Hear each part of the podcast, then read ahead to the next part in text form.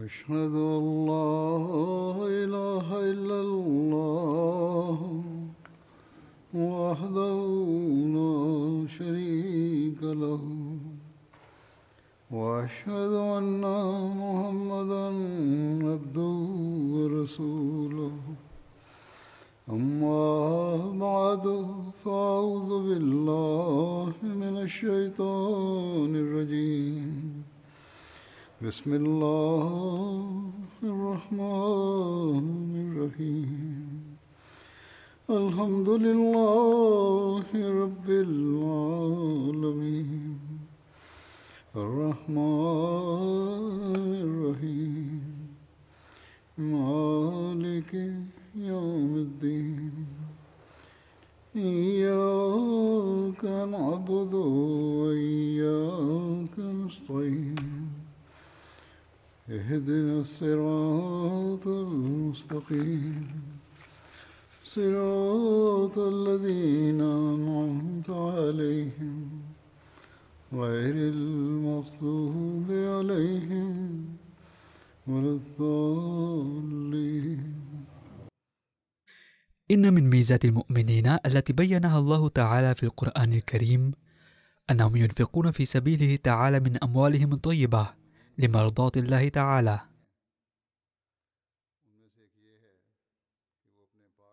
حيثما تحدث الله تعالى في القرآن الكريم عن الإنفاق فأحيانا ذكر بأن المؤمنين ينفقون في سبيله وأحيانا أخرى تحدث عن الصدقات ووجه إلى أهميتها وتارة تحدث عن الزكاة ومصاريفها. وبين عن الأموال التي يضحي بها المؤمنون في سبيل الله تعالى كيف وأين ينبغي أن تصرف؟ وإن من عادة الجماعات الإلهية أنهم ينفقون أموالهم في سبيل الله تعالى لتزكية أموالهم ونيل فضله تعالى ومرضاته. كذلك الجماعة الإسلامية الأحمدية أيضا تضحي بأموالها باستمرار ويعلم أفراد الجماعة أنه من أوامر الله تعالى ويعلمون أين تصرف أموال تضحياتهم مالية.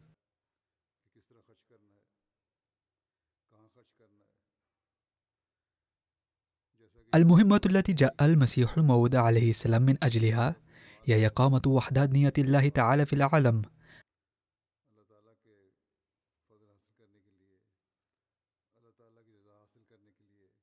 ورفع راية الإسلام والرسول الكريم صلى الله عليه وسلم في العالم. وهي مهمة غير عادية وواسعة للغاية. إن نشر هذه الرسالة في العالم كله يتطلب النفقات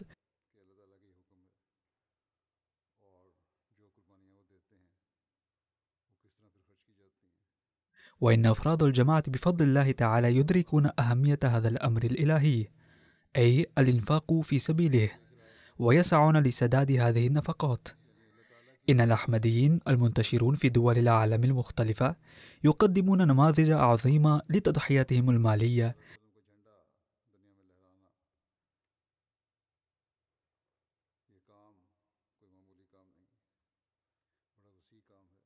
تزيد الإنسان يقينا بأن المسيح الموعود عليه السلام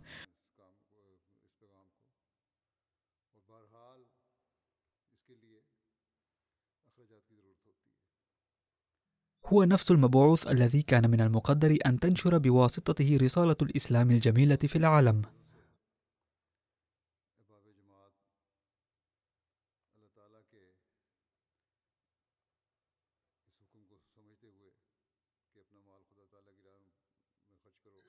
فلو تأمل معارضون في هذه الآية وحدها وأنصفوا منزهين قلوبهم من البغضاء لطهرت آية صدق الجماعة هذه وحدها قلوبهم من المعارضة.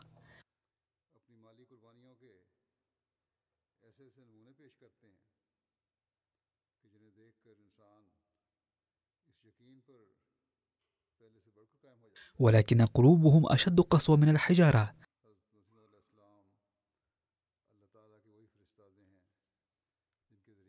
خاصة قلوب مشايخهم. إنما حسابهم على الله.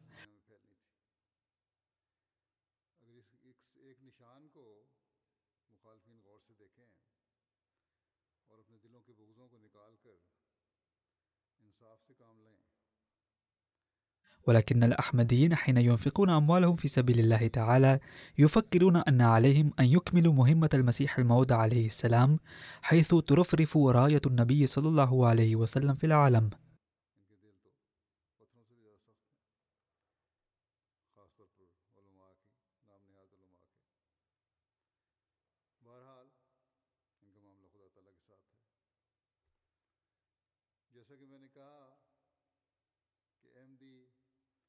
لا شك أن الله تعالى وعد المؤمنين أن الأموال التي تنفقونها في سبيلي سأردها لكم أضعافا مضاعفة. ولكن كثيرا من الأحمديين إنما يبتغون رضا الله تعالى فقط.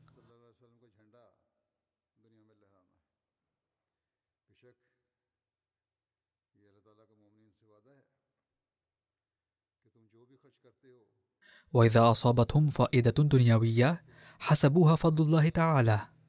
هذا تفكيرهم أن يرضى الله عنهم بهذه التضحية وأن تتحسن عاقبتهم.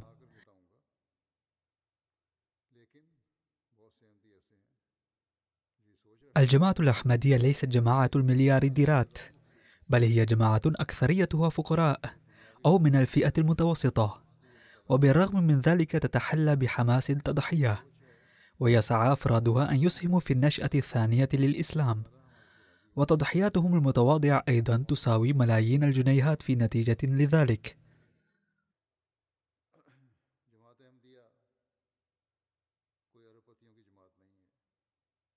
فالأصل هو القبول عند الله تعالى وإن الله تعالى بفضله يبارك بالأمر الذي تبدأه الجماعة بمواردها المحدودة حتى يظن الناس أن الجماعات تنفق عليه ملايين الجنيهات.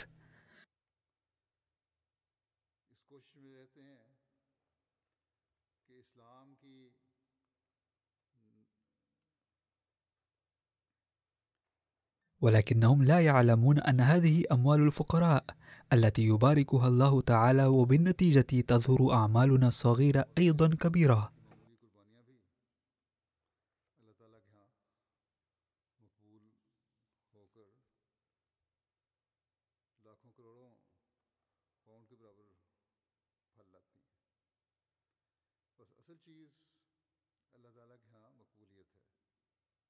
وليخبر هنا أن الجماعة كلما ازدادت وازدهرت يظهر فيها من يملكون تفكيرا مختلفا كالذي لم يتلقى تربية كافية.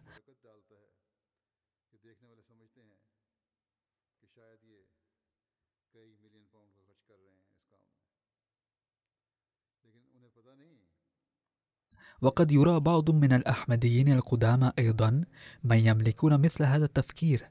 ويتكلمون في البيوت أمام الأولاد فتنشأ أسئلة في أذهانهم فيسألون لماذا ندفع هذه التبرعات.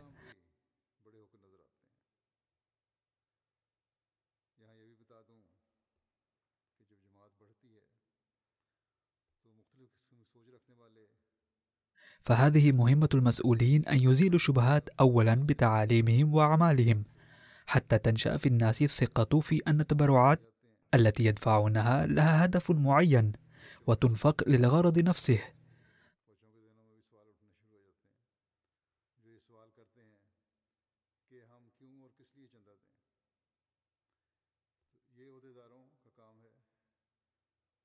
ثانيا عليهم أن يفهموا الناس أهمية التضحية المالية وقيمتها عند الله وأنهم نتيجة هذه التضحية المالية ينالون رضا الله تعالى.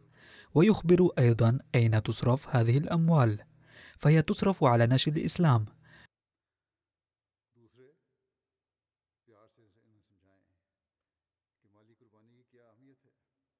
وهناك قناتنا الفضائية التي تتطلب ميزانية كبيرة وتنشر الكتب والقرآن الكريم وتنفق على تعليم الأولاد الفقراء وعلى إطعام الجائعين وعلى تأهيل الدعاة وعلى التبليغ الذي يتم بواسطتهم. وعلى بناء المساجد وهناك كثير من النفقات الأخرى للجماعة. ولا يظن أحد أنني قلت ذلك لأن الناس بدأوا يثيرون أسئلة كثيرة.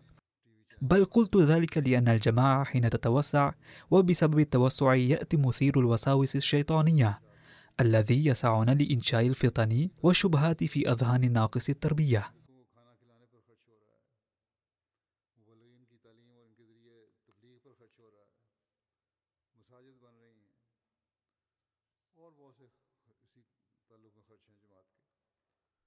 إن أفراد الجماعة بفضل الله تعالى يدركون تماما ويعلمون جيدا أن هناك نفقات لتيسير نظام الجماعة وإن الله تعالى قد أمر بالإنفاق في سبيله.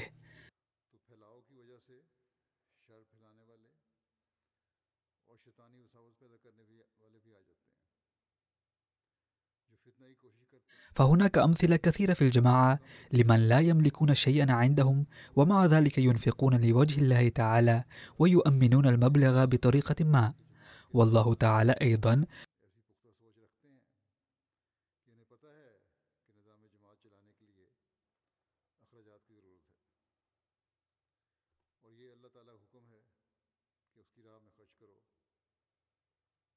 والله تعالى أيضا لا يضيع مثل هذه التضحيات. إن الله تعالى يحقق وعده ويرزقه من حيث لا يحتسب ويرزقهم من حيث لا يحتسبون. لا يقرأ الأحمديون هذا الوعد في القرآن الكريم فحسب بل يرون تحققه في حياتهم ويكتبون تجاربهم. سأقدم بعض الأمثلة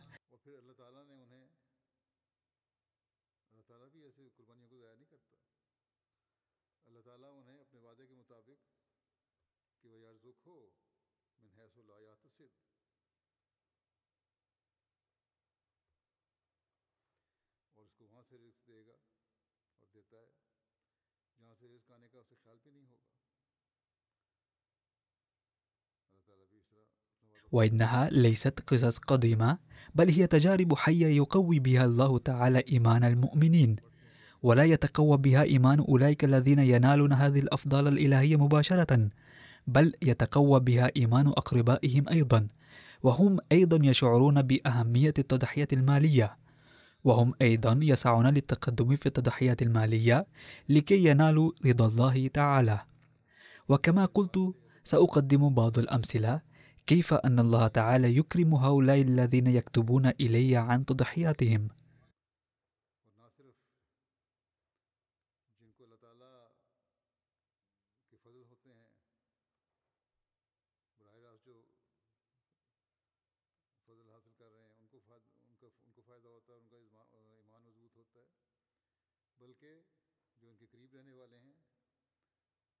هناك مثال من جنيكناكري كتب الداعية المسؤول فيها.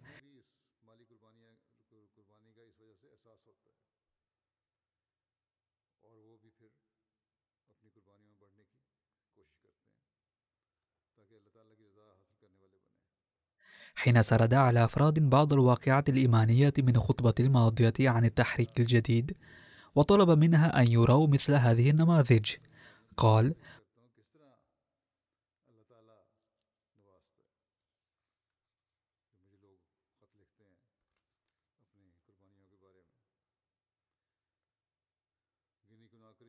فاتصلت بي سيدة اسمها ميمونة وقالت لم يكن في البيت ما أسدد به نفقات البيت وكان زوجي خارج المدينة لعمل وبعد صلاة الجمعة أعطاني والدي مئة ألف فرنك هدية وكنت مترددة هل أدفع التبرع أم أصرف على نفقات البيت وبعد الدعاء دفعت نصف المبلغ أعني خمسين ألف فرنك في صندوق التحريك الجديد.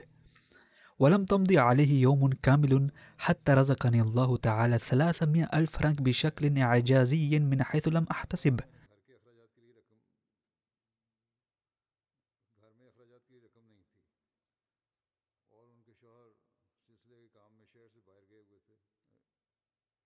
فشكرت الله تعالى على أنه وفقني لاتخاذ القرار الصحيح مما ازددت إيمانا.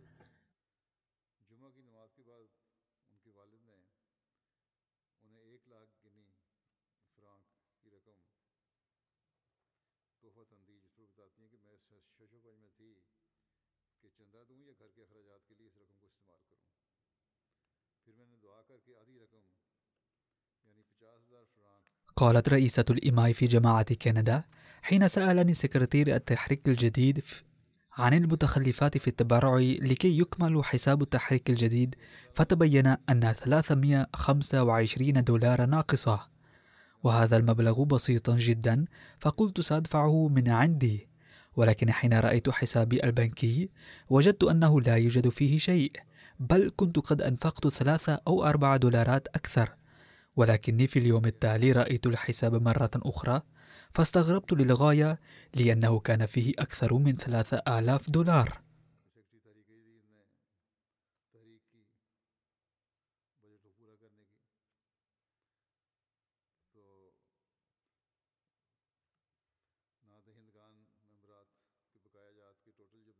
قالت إنه كان مبلغا معلقا منذ فترة طويلة. ولم يكن هناك أمل للحصول عليه. ولكن الله تعالى وبفضله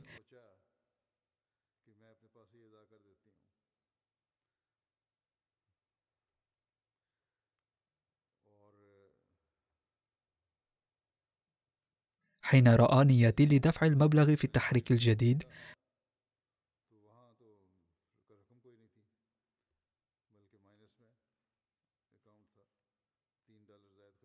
هيأ لسداد هذا المبلغ الذي كان معلقا منذ فترة طويلة.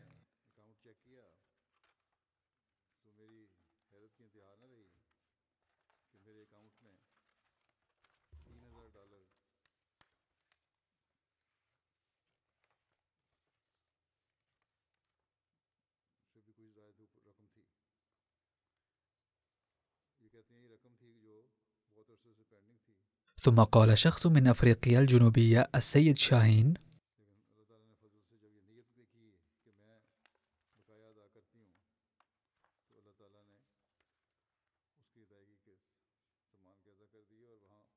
سددت تبرع التحريك الجديد ودفعت نصف المبلغ الموجود في حسابي البنكي.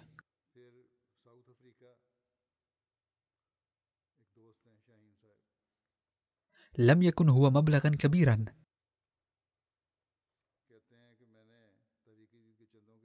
ولكني فكرت إنه آخر الشهر لدفع التبرع في صندوق التحريك الجديد. ولا أعلم هل سأجد فرصة الدفع فيما بعد أم لا. لذا دفعت هذا المبلغ. وفي اليوم نفسه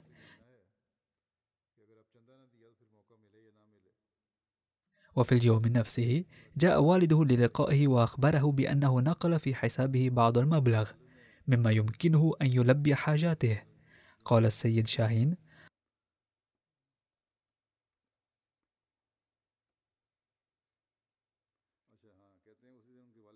هذا المبلغ الذي جاءني من الوالد كان عشرين ضعفا أكثر مما دفعته في التحريك الجديد فدفعت التبرع مرة أخرى لأن دخلي كان إزداد بسبب هذا المبلغ. ورزقني الله تعالى من حيث لم أحتسب. وفي اليوم الذي دفعت فيه التبرع ثانية.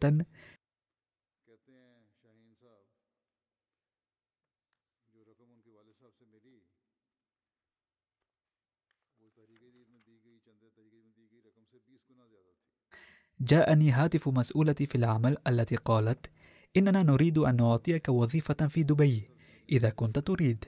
فوافقت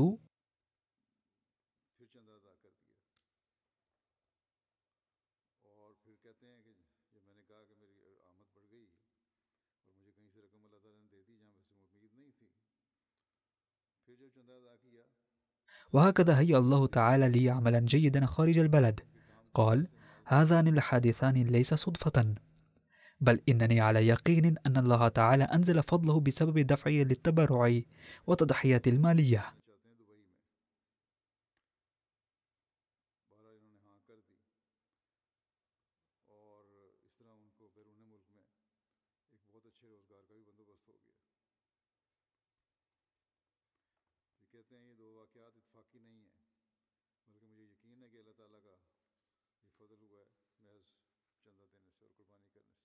وكتب داعيتنا في أستراليا.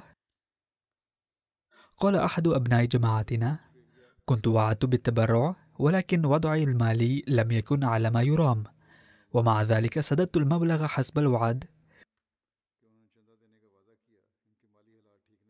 وأيقنت أن الله تعالى سوف يضاعفه لي مئة مرة لأن هذا وعد الله تعالى.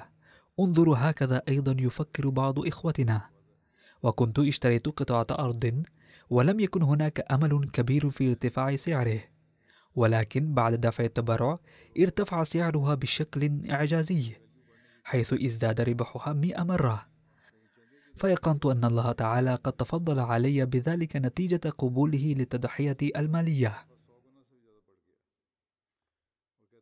وكتب داعيتنا في كازاخستان هناك أحمدي مخلص في سكان هذه البلاد الأصليين واسمه علي بيك. وكان قد تبرع بعشرة آلاف تنجي وهي عملة محلية في صندوق التحريك الجديد. ويقول هذا الأخ بعد دفع هذا التبرع ذهبت إلى العمل وبعد بضعة أيام دعاني المدير الأعلى للشركة. وقال لقد ربحت شركتنا كثيرا هذه المرة فقررنا أن ندفع لثلاثة من عمالها مبلغا قدره مئة ألف. لكل واحد منهم جائزة لهم. فالله تعالى قد آتاني ببركة التبرع ما دفعت بعشر أمثاله من حيث لم أكن أحتسب.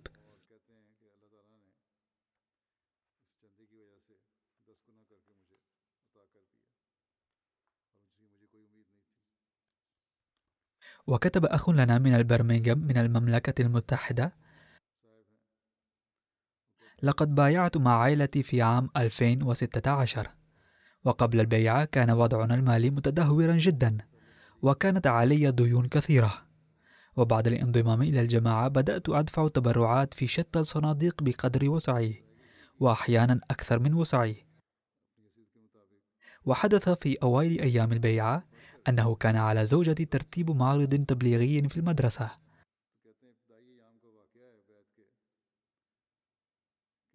فأخذت الإجازة من العمل لرعاية الأطفال في البيت وكنت سأخسر 100 جنيه بسبب هذه الإجازة.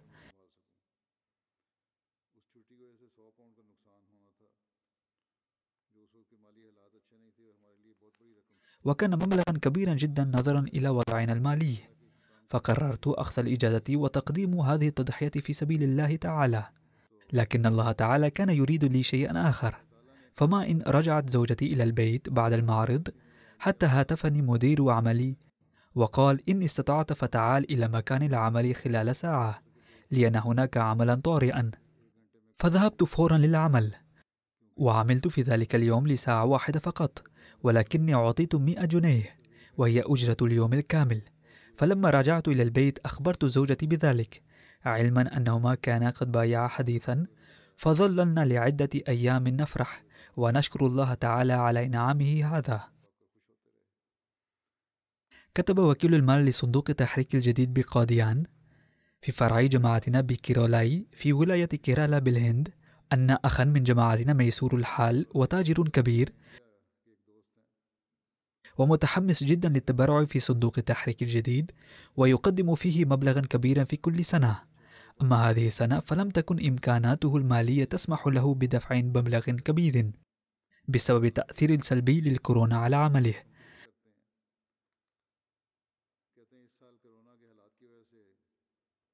وكان هذا الأخ قد دفع تبرع الدخل وفي غيره من الصناديق ولكن لم يكن عنده ساعات للتبرع في صندوق التحريك الجديد. وقال هذا الأخ ففكرت أن الله تعالى يوفقني دائما للتبرع في هذا الصندوق. ورغم الظروف المالية غير المواتية توكلت على الله تعالى وقلت سوف أدفع التبرع والله تعالى سوف يدبر لي المال. وقبل انتهاء مدة السداد بيومين تبرعت بمليون روبية في صندوق التحريك الجديد. ثم في يوم الجمعة حث حضرة الداعية في الخطبة مرة أخرى على التبرع في صندوق التحريك الجديد. وقرأ على مسامعنا بهذا الصدد واقعات قديمة مقتبسة من خطبة الخليفة.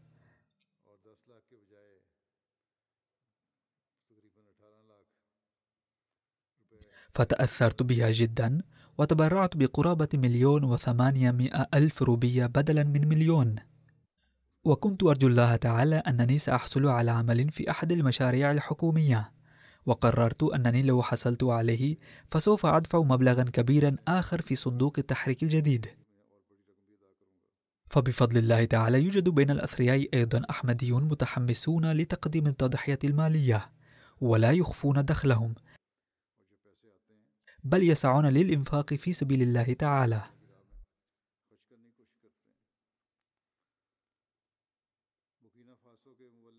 وكتب السيد حبيب داعيتنا في بوركينا فاسو هناك أخ لنا السيد سوري سعيدو وكانت 1700 فرانك سيفا متبقية مما وعد به في هذا الصندوق. ولم يبقى على انتهاء السنة المالية إلا أسبوع فتمكن بعد بذل جهد كبير من سداد ألفي سيفة وكان هذا المبلغ أكثر قليلا مما كان عليه من الدفع. ويقول هذا الأخ قبل انقضاء أقل من الساعة على سدادي أرسل لي أحد معارفي عشرة آلاف سيفة ثم أرسل عشر آلاف سيفة أخرى خلال ساعة. وهاتفني وقال هذه عشرون ألف فرانك سيفة وقد أرسلتها لك هدية مني. وقال السيد سيدو لم يرسل لي هذا الشخص أي مبلغ من قبل قط وإنما أرسل لي هذه النقود أول مرة فكنت دفعت ألفي فرانك ليسدد ما تبقى علي من وعدي. فرده الله تعالى علي خلال ساعات مضاعفة. أعني عشرون ألف فرانك سيفة هكذا يزيد الله تعالى إيمان الإخوة أيضا.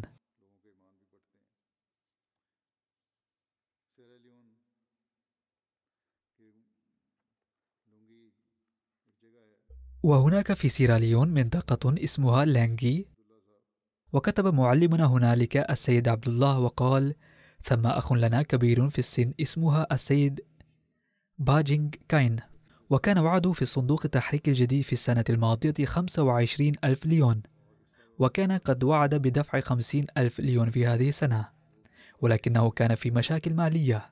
ولما صدر الإعلان بتذكير الإخوة عن ضرورة سداد وعودهم في صندوق التحريك الجديد سأل هذا الأخ داعية محلي كم هو المبلغ الذي وعدت به؟ قال خمسون ألف ليون. فقال مندهشا من الذي وعدكم بهذا المبلغ من طرفي؟ أنا لا أقدر على دفعه. فقيل له أنت بنفسك وعدت به. فسكت الأخ.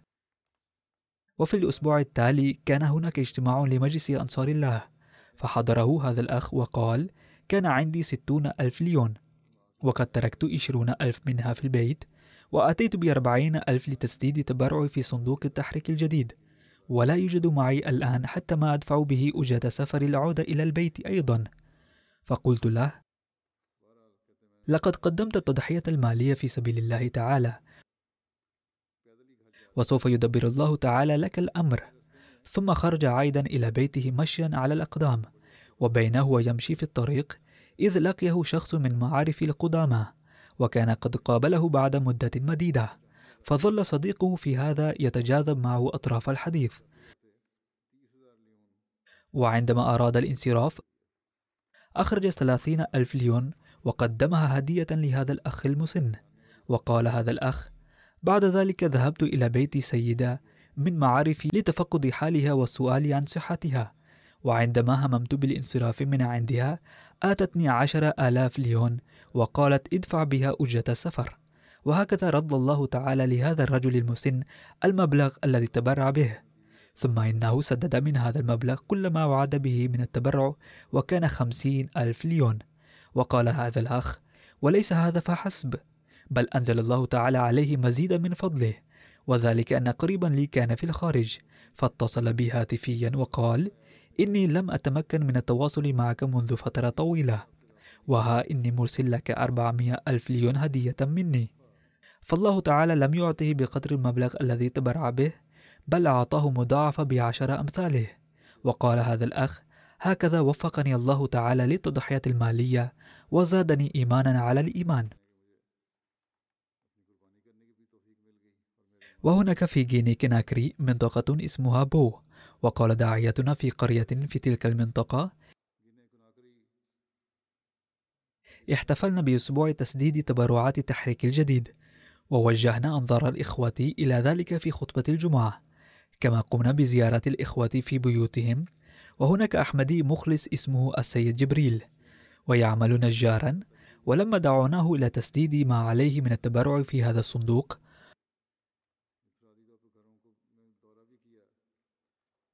قال لقد احتفظت لنفقات اليوم بعشرين ألف فرنك وها إني أتبرع بها كلها. ولم يبقى عندنا الآن أي مال. ولكن يدعو الله تعالى أن يتقبل تضحيتنا ثم بعد أيام أخبر الأخ جبريل هذا. كنت أعددت سريرا خشبيا للبيع منذ ثلاثة شهور ولم يكن أحد يأتي لشرائه. ولكن بعد دفع تبرع بوقت قليل جاء شخص واشترى السرير بمليون ونصف مليون فرنك. فلم ألبث أن اتصلت بالداعية هاتفيا وأخبرته أن الله تعالى لم يتقبل تضحية مالية فحسب بل لقد رد لنا المبلغ بأضعاف مضاعفة كثيرة. وهذا الأخ يسرد هذه الواقعة لأصدقائه أيضا لكي يزدادوا إيمانا مع إيمانهم.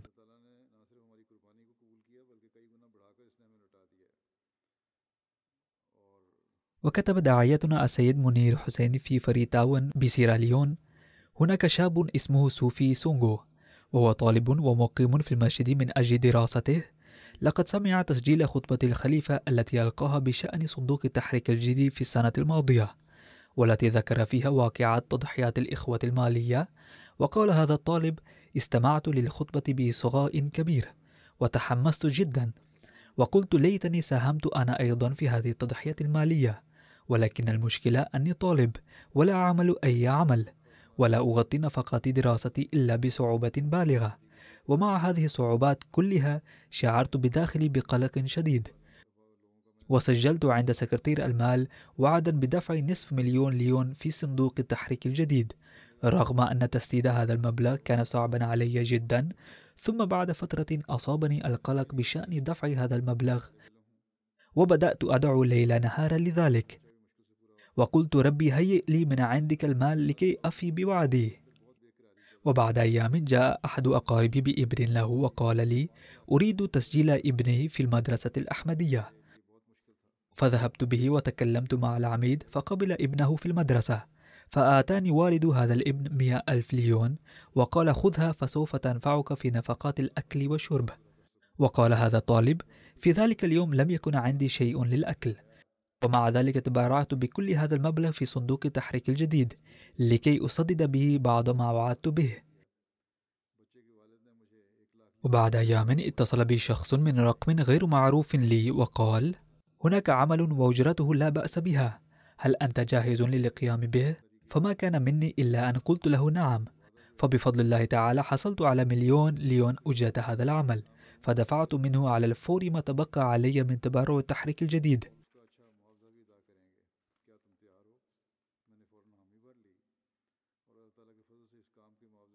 وكتب الداعية المسؤول في غيبون هناك أخ من المبايعين الجدد اسمه السيد عيسى ديندا. وقد قال لي قبل البيعة وقبل دفع التبرعات بانتظام كنت أحيانا لا أجد العمل لأسبوعين أو ثلاثة.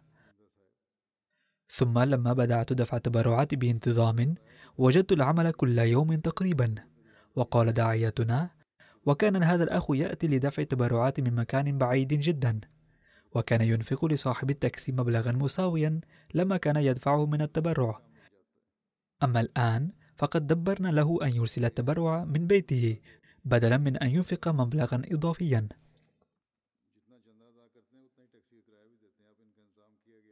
وهناك الأخت فجر من الأردن تقول لقد مضت على انضمامي إلى الأحمدية 22 عاما. وقد رأيت دائما أنني كلما نويت التبرع هيأ الله لي المال من الغيب وأحيانا يصلني المال بالقدر الذي نويت التبرع به. وهذا من بركات الجماعة. إني مهندسة وإذا جاءني عمل في البيت أقوم به ومن عادتي أني لا أطلب المال من زوجي لدفع التبرعات لأنه في كثير من الأحيان يعاني ضائقة مالية بل أدفع التبرعات من دخلي الخاص. هذا العام فكرت أنني قد دفعت تبرع تحريك الجديد لكنني كنت في الحقيقة ناصية ولما ذكرت لم يكن عندي ولا دينار واحد. فقلقت كيف أدفع التبرع؟ فجاءتني طالبة طلبت مني دروسا خصوصية. الآن سأتمكن من دفع التبرعات بفضل الله ويبقى عندي شيء أيضا.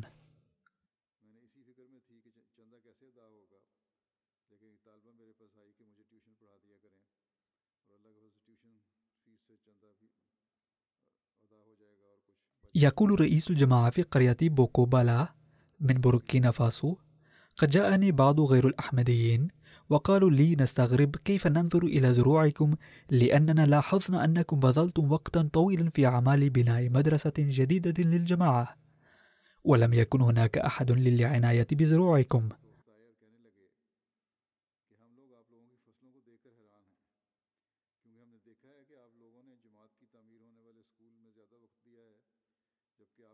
ومع ذلك هي أفضل بكثير من زروعنا مع أننا بذلنا كل أوقاتنا للإعتناء بها. ومع ذلك لم تكن زروعنا بمستوى زروعكم فقلت لهم قد ساهمنا في هذه الأعمال تطوعا ابتغاء مرضات الله ومن أجل الجماعة. كنا ندعو الله تعالى أثناء أعمالنا أن يحفظ زروعنا لأننا توكلنا عليك. فاستجاب لأدعياتنا وكان حصادنا جيدا فالآن قد دفعنا تبرعات منه أيضا.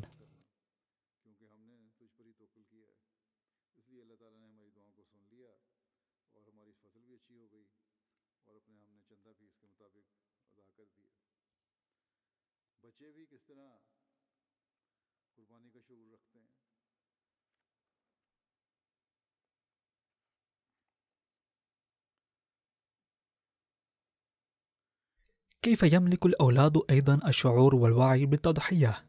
وهؤلاء الأولاد في البلاد الفقيرة يملكون هذا الشعور الذي لا يملكه بعض الأولاد في البلاد الراقية وتفصيل ذلك أن الداعية الأحمدي حسين يوسف المحترم من زنجبار يقول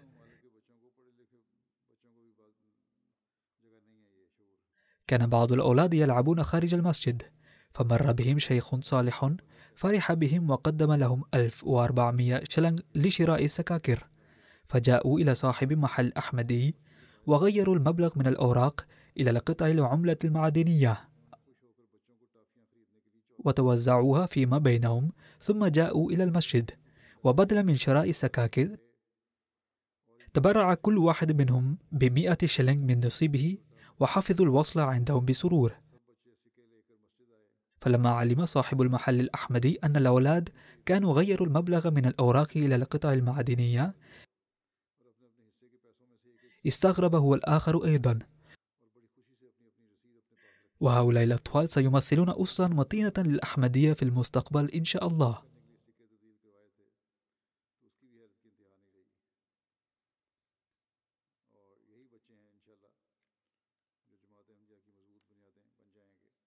وهناك مشهد غريب لتضحية الأولاد بمالهم وهو أيضا من تنزانيا نفسها. يقول الداعية المحلي من قرية سمو أن أربعة أطفال في جماعتنا يدرسون في الصف الرابع وهم يشاركون بانتظام في الدروس التعليمية والتربوية في المسجد. وكلهم من العائلات الفقيرة وليس لهم دخل وكانوا من الشهر الماضي يتسابقون فيما بينهم في التبرع في صندوق التحريك الجديد. وكل واحد منهم كان يأتي بمبلغ ويسعى ليتبرع بكل ما لديه في التحريك الجديد. وقد تبرع أحدهم بخمسمائة والثاني بأربعمائة والثالث بسبعمائة شلنج أي كل ما توفر عنده. وحين قلت لهم إنكم تحضرون هذا المبلغ فمن أين تحصلون عليه؟ قال أحدهم إني أساعد والدتي على قطع الأخشاب في الغابة. والمبلغ الذي تعطينيه كمصروف جيبي أتبرع به. ومنذ بدأت أتبرع في التحريك الجديد وجدنا دوما الزبائن للأخشاب ولم نخسر قط. وقال الثاني أنه هو الآخر يخصص شيئا من مصروفه الجيبي للتبرع. وقال الثالث أن هناك أشجار مثمرة قرب بيته وأحيانا يبيع ما يفضل من حاجته في الأكل ويتبرع بثمنها. والملاحظ أن هؤلاء الأطفال الثلاثة بيّنوا أنه ببركة هذه التبرعات يشعرون بالسكينة في حياتهم. زادهم الله دوما إيمانا وإخلاصا. هذا هو الإيمان الذي يتمتع به أولادنا أيضا.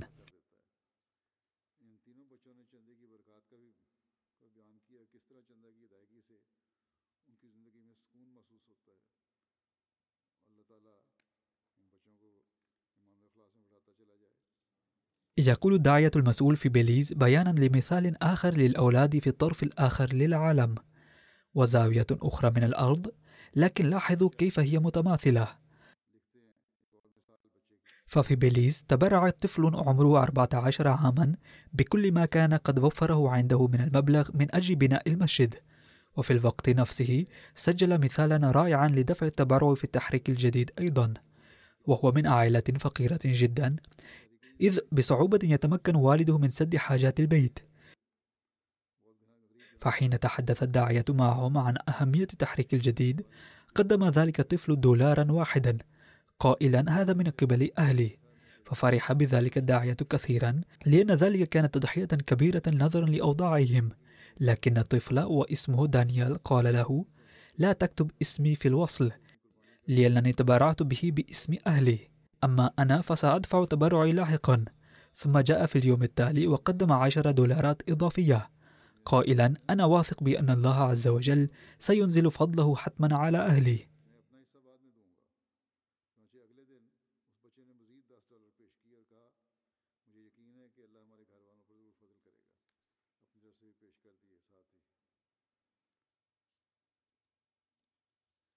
كيف يخلق الله عز وجل الحماس للتضحية في قلوب الجدد؟ وكيف يكرمهم؟ فعن ذلك يقول سيد نور الدين من المغرب بدأت أساهم في التضحية بالمال بعد بيعتي في عام 2017 وكان دخلي يومئذ بسيطا جدا.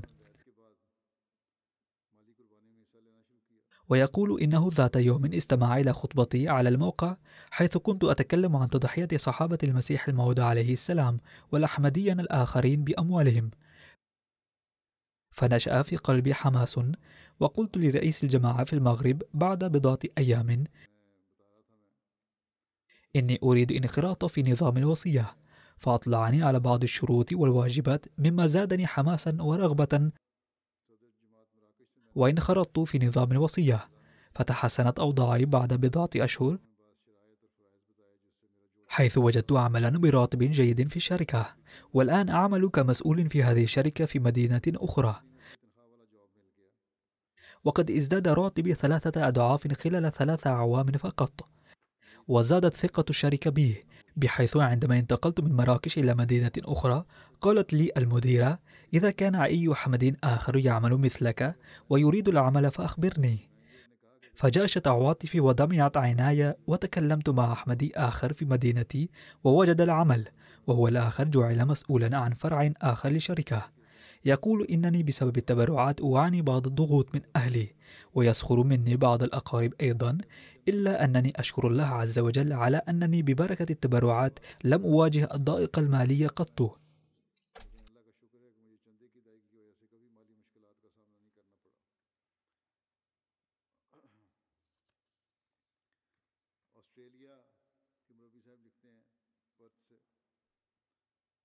يقول داعية في بيرس بأستراليا حين ذكرت شابا لم يكن قد دفع تبرعه في التحريك الجديد بأن يهتم بذلك. قال إنه لم يجد عملا بسبب الكوفيد وأنه يعاني ضائقة مالية. ثم قابلني بعد بضعة أيام وقال لي إنه باع بعض أثاث بيته ليدفع ما وعد من التبرع. وقال منذ قمت بذلك وجدت أربع عقود عمل. ووجدت عملا جديدا يغطي جميع النفقات.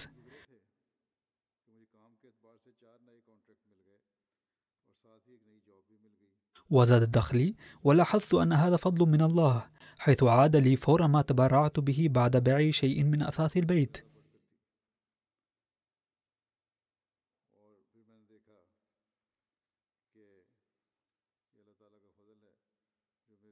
يقول سكرتير التحريك الجديد في مدينة أخرى من أستراليا الجنوبية. أحد المخلصين لم يستطع دفع التبرع في التحريك الجديد كاملا وحين لفت أنظاره إلى ذلك قال لي قد أردت بيتي للبيع وفور بيعي سأدفع التبرعات. ثم اتصل بي بعد يومين وقال قد بيع بيتي بفضل من الله بربح غير متوقع. وكان موقنا بأن ذلك حصل نتيجة وعده بدفع التبرعات. ثم دفع في التحريك الجديد ستة أضعاف ما وعده. فحين يكرم الله الأحمديين بمنافع مادية يفكرون أنه لم تتحقق نتيجة براعتهم بل هي بركة تضحيتهم. وهذا تفكير أحمدي فقط ولا تخطر هذه الأمور ببال غيره.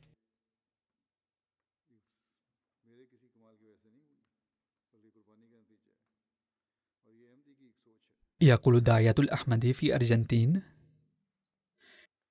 لقد كتبت مقالا للفت أنظار الإخوة إلى التضحية بأموالهم واقتبست فيه من خطبتكم حيث قلتم أخبروا المبايعين الجدد أن التضحية بالمال ضرورية وقولوا لهم إنما وصلت إليكم رسالة الأحمدية ببركة المتبرعين في التحريك الجديد فانخرطوا أنتم أيضا في هذا الصندوق لكي تتحسن حياتهم وتتمكنوا من إيصال هذه الرسالة إلى الآخرين أيضا. فقد أخذ هذا المقتبس من خطبتي ونشره. ثم يقول حين أرسلت هذا المقال إلى أبناء الجماعة اتصل بشاب اسمه أنس أزكيل المحترم وقال لي إنه يريد أن يأتي إلى مركز الجماعة ليدفع التبرع في التحريك الجديد. ثم وصل إلي في الطقس الحار بعد نهاية الدوام في المدرسة فورا في المواصلات العامة. واستغرق ذلك أكثر من ساعة ودفع ألف بيسو أرجنتيني في التحريك الجديد فاستغربت كثيرا إذ ليست أوضاعه المادية جيدة وهو طالب في المدرسة ولا مدخول له. وليست أوضاع أهله المادية أيضا جيدة. يقول الداعية أن ذلك الشاب لم يتغذى في ذلك لقلة المال عنده. وعند الاستفسار عن ذلك قال قد ترك كلام الخليفة في قلبه تأثيرا قويا حيث قال إن المبايعين الجدد أيضا ينبغي أن يشتركوا في التحريك الجديد لأن رسالة الأحمدية وصلت إليهم بواسطة التحريك الجديد. ثم قال الشاب من ناحية قرأت هذه الكلمات للخليفة ومن ناحية أخرى قرأت في اليوم نفسه آية من القرآن الكريم حيث قال الله عز وجل لا تعد الشهداء وتضحياتهم ميتة بل هم أحياء للأبد.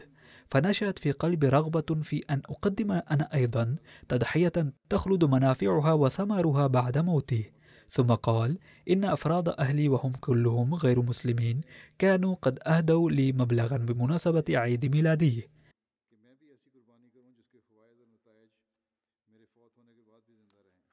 فقد أتيت الآن بكل ما تبقى من ذلك المبلغ لأتبرع به في تحريك الجديد لكي تصل به رسالة الأحمدية إلى الآخرين كما وصلت إلي.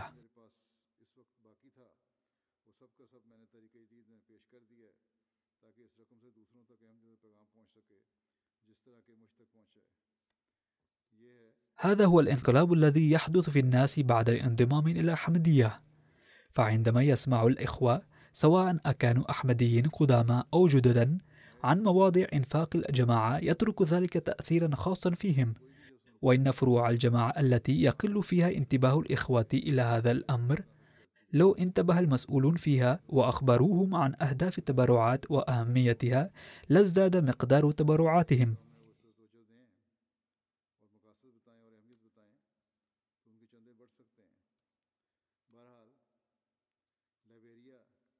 أسرد لكم حادثا من ليبيريا فهناك داعية الجماعة المحلي اسمه السيد مرتضى ويسكن في منطقة معظم فروع الجماعة فيها حديث. معظم فروع الجماعة فيها حديثة التأسيس. فذهب داعيتنا لزيارة فرع الجماعة في قرية ووصلها بوقت الظهر حين كان معظم الناس خارج بيوتهم للعمل في أراضيهم. فقال لمن كانوا موجودين هنالك بأنه سيبيت ليلة في القرية ولن يغادرها ما لم يشترك مئة بالمئة من أهلها في مشروع التحريك الجديد. وعندما أعاد الناس إلى بيوتهم مساء سرد لهم الداعية خلفية مشروع التحريك الجديد وأهميته ودعا الجميع إلى الاشتراك فيه. فتسابق الناس بهذا الشأن رجالا ونساء وفي صباح اليوم التالي عندما أوشك الداعية على المغادرة قال له أحد الإخوة أن هناك أخ اسمه ألفانسو وهو ماكث في أراضيه خارج القرية إلى شهرين تقريبا ولم يشترك في هذا المشروع ولكنك لا تستطيع أن تصل إليه لأن أرضه بعيدة جدا. هذا أولا. وثانيا الطرق مسدودة بسبب الأمطار فقال الداعية سأزوره حتما ليشترك جميع أعضاء جماعتكم في صندوق التحريك الجديد. حاول بعض أفراد الجماعة أن يمنعوه من ذلك ولكن الداعية أصر على موقفه فرافقه بعض الإخوة. وبعد المشي على الأقدام إلى ساعتين ونصف وصلوا إلى سيد فانسو واستغرب من ذلك وصور أيضا في الوقت نفسه ودفع التبرع في صندوق التحريك الجديد فورا. كان أهله وأولاده أيضا ماكثين معه لم تكن زوجته دخلت الأحمدية إلى ذلك الحين. ولكنها قالت بالنظر إلى المشهد أنا متأثرة جدا بحماس الأحمديين لخدمة الجماعة فأنضم اليوم إلى الجماعة الأحمدية وسيكون أولادي أيضا أعضاء هذه الجماعة. فهكذا وفقت عائلته للانضمام إلى الأحمدية.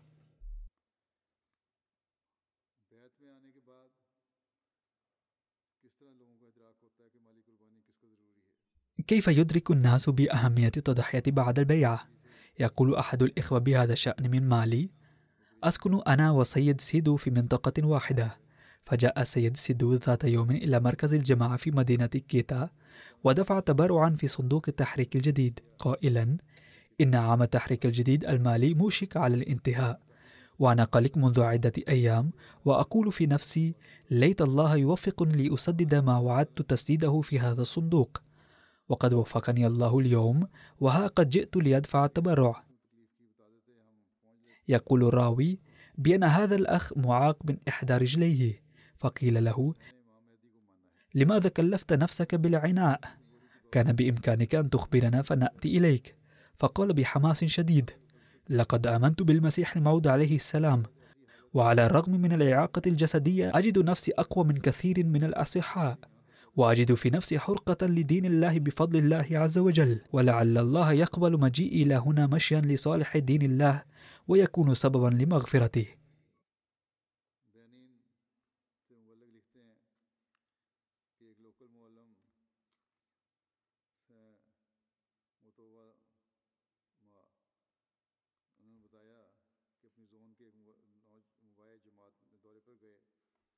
يقول سيد موتواما الداعية المحلي في بنين ذهبت مرة لزيارة فرعي جماعة حديثة.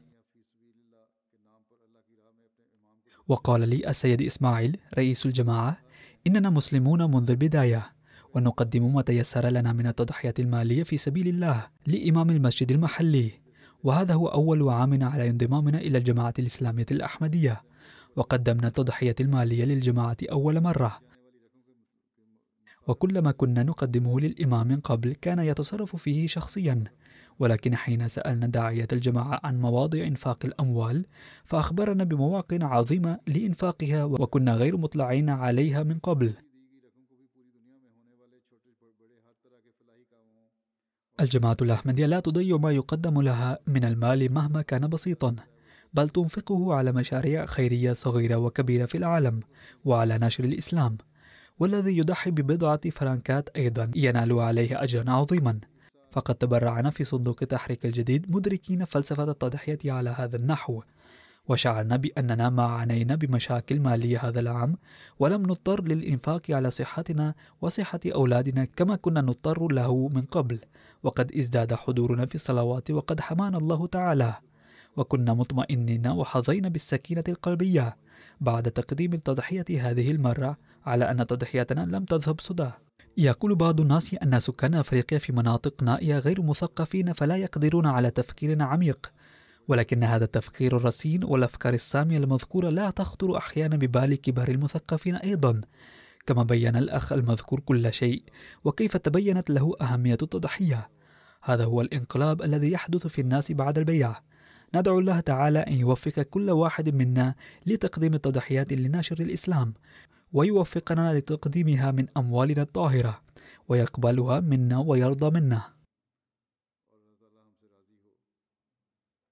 والآن أعلن السنة الجديدة لمشروع التحريك الجديد وسأقدم بعض الإحصائيات أيضا. لقد انتهت بفضل الله تعالى السنة السابعة والثمانون لمشروع التحريك الجديد في الواحد وثلاثين من تشرين الأول وبدأت السنة الثامنة والثمانون. وقد وفقت الجماعة تقديم تضحية مالية قدرها 15 وثلاثة مليون جنيه في صندوق التحريك الجديد في العام المنصرم. وهذه التضحيات تربو على العام الماضي بقدر 842 ألف جنيه. وإن جماعة ألمانيا سباقة وبصورة بارزة على كافة فروع الجماعة في العالم. الظروف الاقتصادية في باكستان متدهورة جدا كما يواجه الإخوة هناك مشاكل أخرى. ومع ذلك يتقدمون في التضحيات المالية بالإضافة إلى تلك المشاكل. فأرجو الدعاء لهم لأن قضايا زائفة ترفع هنالك ضد بعضهم في كل يوم جديد. وتتم المحاولات لقمعهم والضغط عليهم قدر المستطاع. ندعو الله تعالى أن يزيل مشاكلهم ويوفقهم لعقد نشاطاته مثل الاجتماعات والجلسات وتقديم التضحيات بحرية. صحيح أنهم لن يذكروا ولن يعلنوا ما يقدم من التضحيات ولكننا سوف نذكرها.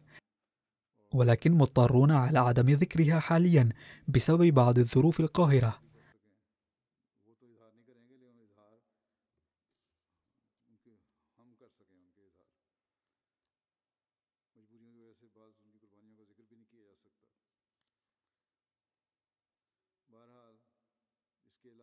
على أي حال سأذكر بقية فروع الجماعة التي قدمت التضحيات المالية في هذا الصندوق. فكما قلت آنفا أن جماعة ألمانيا تحتل المرتبة الأولى واحتلت جماعة بريطانيا المرتبة الثانية ثم أمريكا ثم كندا. ثم هناك جماعة من الشرق الأوسط ثم الهند ثم أستراليا فإندونيسيا فغانا وقد احتلت جماعة أخرى من بلاد الشرق الأوسط مرتبة عاشرة.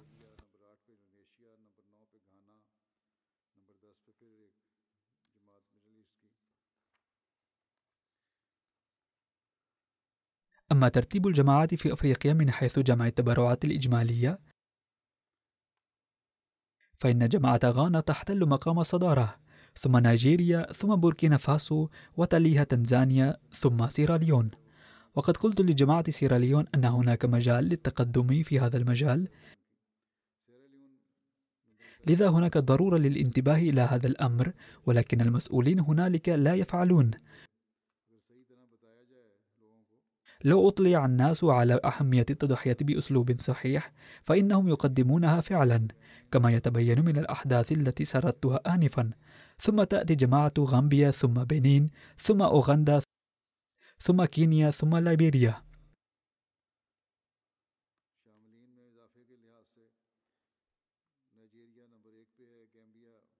ومن حيث الإضافة إلى عدد المشتركين في هذا الصندوق فتحتل جماعة نيجيريا المرتبة الأولى. ثم غامبيا ثم سينيغال ثم غانا ثم تنزانيا ثم كوناكري غينيا فملاوي فأوغندا فغينيا بيساو ثم كونغو ثم كونغو كنشاسا ثم بوركينا فاسو ثم كونغو برازيل. وإضافة إلى الجماعة في البلاد الإفريقية تحتل جماعة ألمانيا المرتبة الأولى من حيث الإضافة إلى عدد المشتركين في هذا الصندوق. ثم تأتي بريطانيا ثم هولندا ثم بنغلاديش ثم موريشيوس وإن حسابات المشتركين في المكتب الأول لا تزال جارية بفضل الله تعالى. فروع الجماعة العشرة الأولى في ألمانيا هي رويد ماك نويس مهدي أباد كولون رودغو نيدا فلورسهايم غنيبوغ فرانكتهال وأوسبوغ وهذه القائمة على مستوى الولايات هي كما يلي هامبورغ فرانكفورت غراسكراو دالستنباغ فيسبادن مورفولند إيدستن مينهايم دامستد والشايم أما في باكستان فترتيب الجماعات من حيث جمع التبرعات في صندوق التحريك الجديد هو كما يلي. الجماعة الأولى هي لاهور ثم ربوة ثم كراتشي ثم إسلام آباد. وهذا الترتيب على مستوى المحافظات هو أولا محافظة إسلام آباد ثم محافظة جوجرانوالا ثم سيالكوت ثم عمركوت ثم محافظة ملتان ثم توبا تيك سينغ ثم ميربور خاص ثم محافظة أتك ثم ميربور الكشمير الحرة وديره غازي خان إن أكثر فروع الجماعة تضحية من حيث جمع مبالغ التبرعات فقائمتها على مستوى الإمارات هي أمارة ديفنس لاهور غلشن آباد كراتشي عزيز آباد كراتشي تاون شب لاهور مادل تاون لاهور مغل بورا لاهور دلهي غيت لاهور كلفتن كراتشي مدينة بهاول نجر ومدينة حافظ آباد.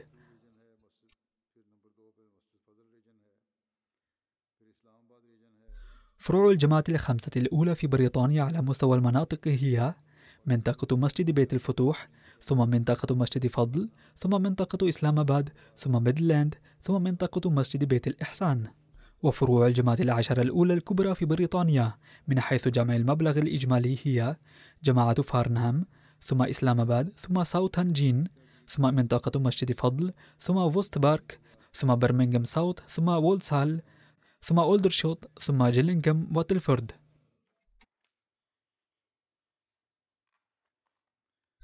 وهذه القائمة في الجماعات في أمريكا هي كالتالي ميريلاند لوس أنجلوس ديترويت سيليكون فالي شيكاغو سياتل فيرجينيا المركزية أشكاس أتلانتا جورجيا ثم فيرجينيا الجنوبية ثم هيوستن ثم يورك ثم بوسطن.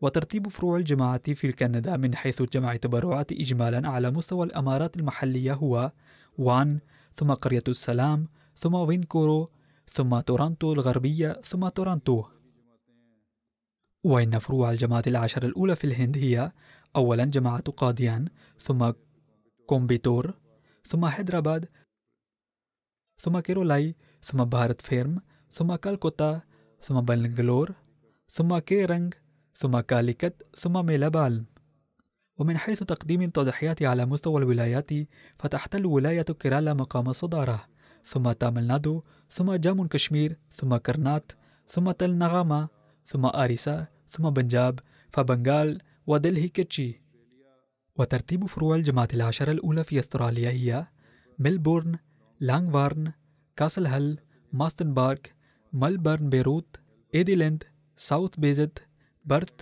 اي سي تي كامبرا ميراما وايدل الغربية ندعو الله تعالى أن يبارك في أموال المضحين جميعا ونفوس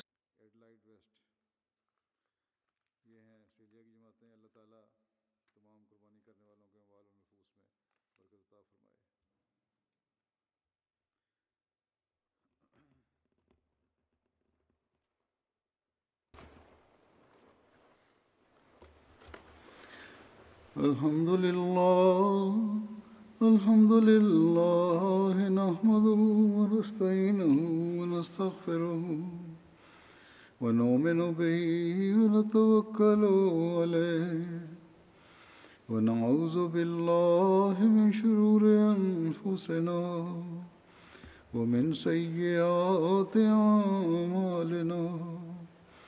من يهده الله فلا مضل له ومن يضلل فلا هادي له ونشهد ان لا اله الا الله ونشهد ان محمدا عبده ورسوله عباد الله رحمكم الله إن الله يأمر بالعدل والإحسان وإيتاء ذي القربى وينهى عن الفحشاء والمنكر والبغي يعظكم لعلكم تذكرون اذكروا الله يذكركم وادعوه يستجب لكم ولذكر الله أكبر